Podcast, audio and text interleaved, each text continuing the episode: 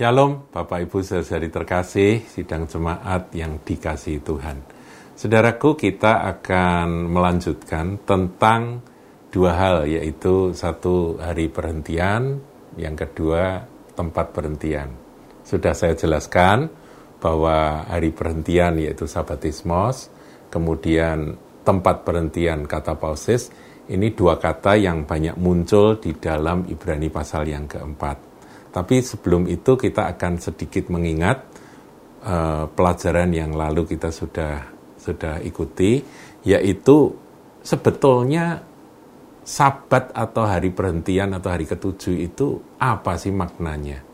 Kalau di perjanjian lama kan kita tahu maknanya bahwa itu adalah peraturan. Kalau hari ketujuh itu harus menjadi sabat yang hari kudus bagi Tuhan. Kalau sampai ada umat Tuhan kedapatan melakukan pekerjaan pada hari Sabat harus dihukum mati sekeras itu ya.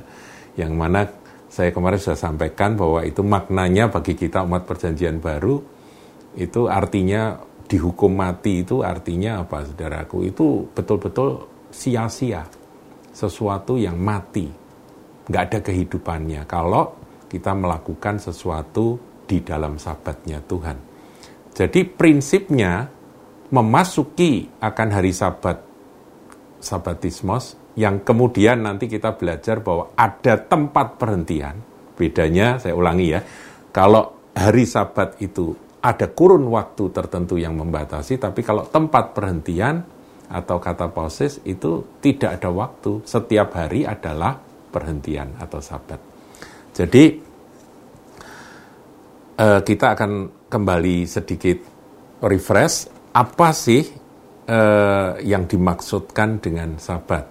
Kalau kita lihat dalam Kolose pasal yang kedua, ayat yang ke-17 dikatakan semuanya ini hanyalah bayangan dari apa yang harus datang sedang wujudnya ialah Kristus. Jadi sabat atau perhentian, baik itu hari maupun tempat perhentian, itu sebetulnya adalah Christ, Jesus, atau Kristus, Yesus Tuhan kita. Itu wujudnya. Nah, di dalam perjanjian baru kita sudah ketemu bahwa sebetulnya perjanjian lama adalah bayang-bayang dan kenyataannya wujudnya adalah Kristus. Nah, memasuki sabat, memasuki tempat perhentian itu berarti kita memasuki Kristus. Tinggal di dalam Kristus itu artinya tinggal dalam tempat perhentiannya.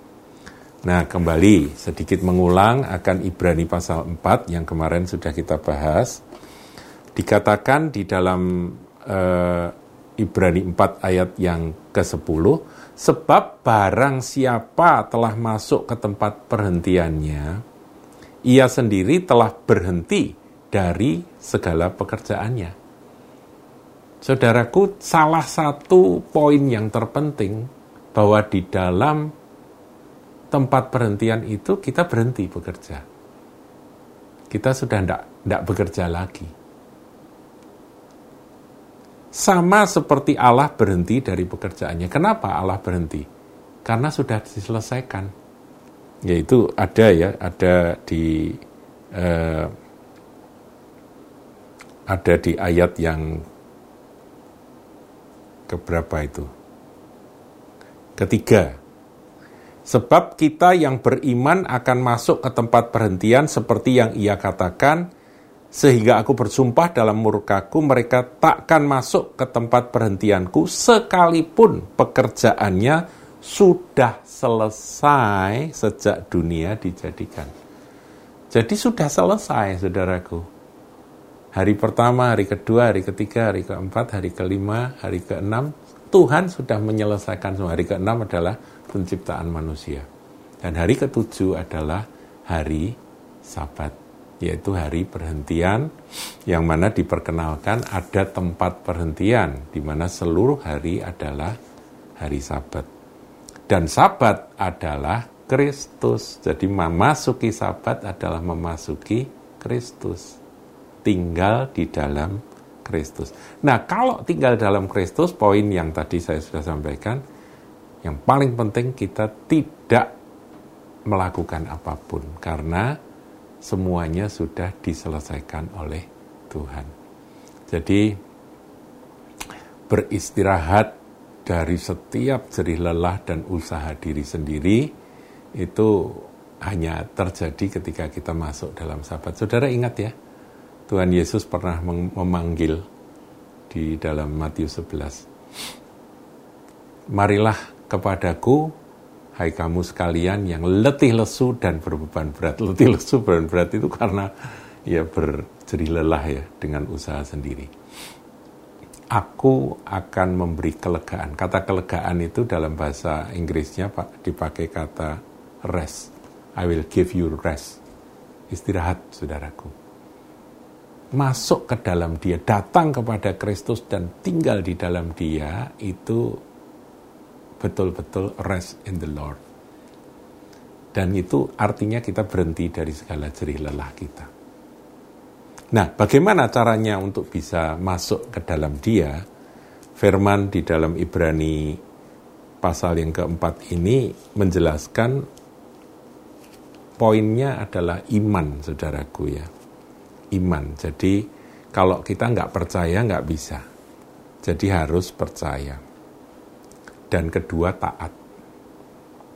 Percaya ya, saya bacakan ini percaya itu eh, orang yang ketinggalan ayat 1 dan 2 itu. Sebab itu baiklah kita waspada supaya jangan ada seorang pun di antara kamu yang dianggap ketinggalan sekalipun janji akan masuk dalam perhentiannya masih berlaku. Karena pada kita diberitakan juga kabar kesukaan sama seperti kepada mereka. Tetapi firman pemberitaan itu tidak berguna bagi mereka karena tidak bertumbuh bersama-sama dengan iman dengan mereka yang mendengarkan. Jadi ketika saudara mendengarkan bahwa ada satu tempat perhentian di mana engkau bisa berhenti dari segala jerih lelahmu, saudara percaya atau tidak? Kenapa berhenti? Karena sudah diselesaikan oleh Tuhan. Dikatakan ayat 10, sama seperti Allah berhenti dari pekerjaannya kok. Karena semua sudah disediakan. Nah ini iman saudara. Tidak bertumbuh bersama dengan iman ya nggak akan masuk ke sana. Semuanya tetap memakai jerih lelah sendiri, usaha sendiri. Bahkan keselamatan ya kalau kita belajar di Efesus 2 ayat 8 itu keselamatan kita kan karena kasih karunia yang sudah disediakan oleh Tuhan dan kita tinggal memper, dengan iman percaya kita memasukinya dan menerima akan apa yang sudah Tuhan selesaikan. Saya ulangi lagi, Tuhan Yesus di kayu salib sebelum dia menyerahkan nyawanya dia berkata apa? Sudah selesai, saudaraku. Jadi semua urusan Anda, urusan saya sebetulnya sudah diselesaikan Tuhan kalau kita bisa masuk ke dalam tempat perhentian atau kata pausis itu. Nah, ayat 11 dari Ibrani 4 ini, saudaraku, memunculkan kata ketidaktaatan. Jadi orang kalau tidak percaya ya tidak taat, akhirnya mereka tidak bisa masuk ke dalam perhentian itu. Ini untuk orang Kristen, saudara. Jadi untuk saudara dan saya ini bukan untuk orang yang di luar Kristen. Jadi orang yang sudah percaya Yesus, itu diundang oleh Tuhan Yesus untuk tinggal di dalam dia. Jadi bukan bukan orang di luar Kristus, bukan orang Kristen yang sudah terima Yesus, yang sudah jadi anak Tuhan.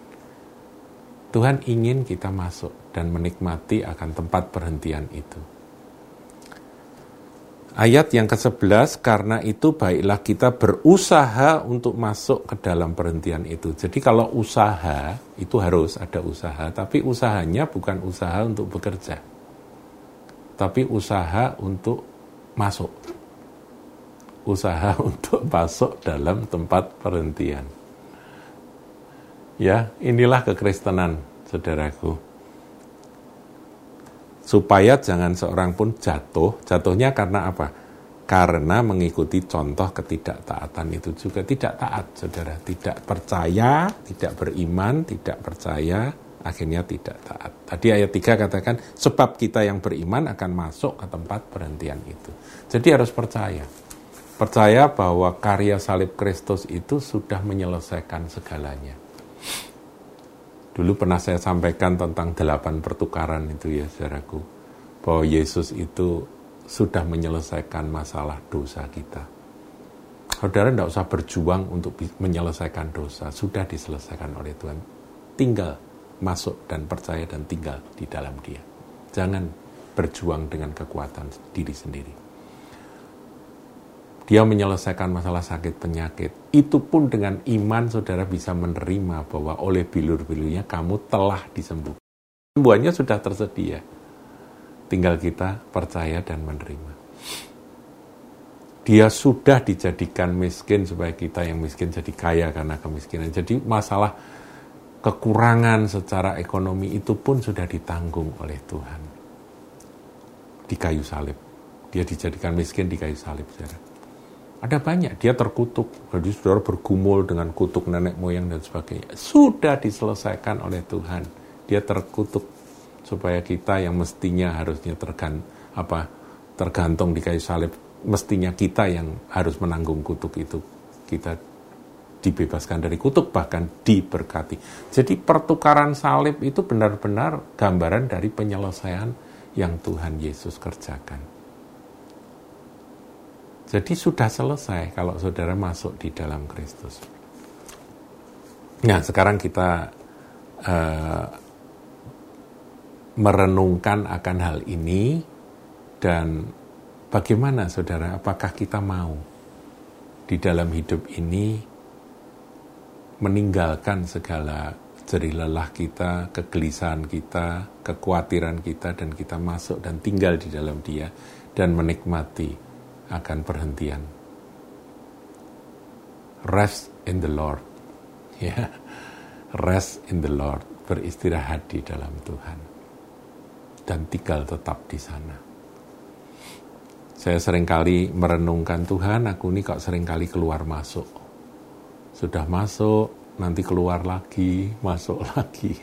Harusnya kan masuk dan tinggal ya, karena ada tempat kalau hari mungkin harinya dinikmati, kemudian besoknya sudah lagi. Enggak, saudara bisa bekerja, bisa berjuang, e, mencari nafkah, saudara bisa e, melakukan kegiatan apa pun, ya ibu-ibu boleh tetap masak di dapur, melakukan e, kegiatan rumah tangga, ya bersih-bersih atau apa pun.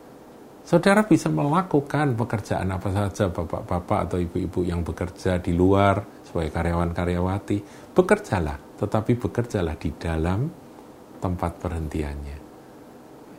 Maka akan ada satu damai sejahtera dan sukacita yang tidak bisa diganggu gugat ada di dalam kita.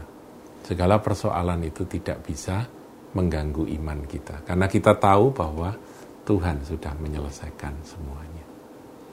Inilah eh, pelajaran tentang kata pausis atau tempat perhentian. Ingat, tempat perhentian adalah Kristus. Tuhan Yesus memberkati.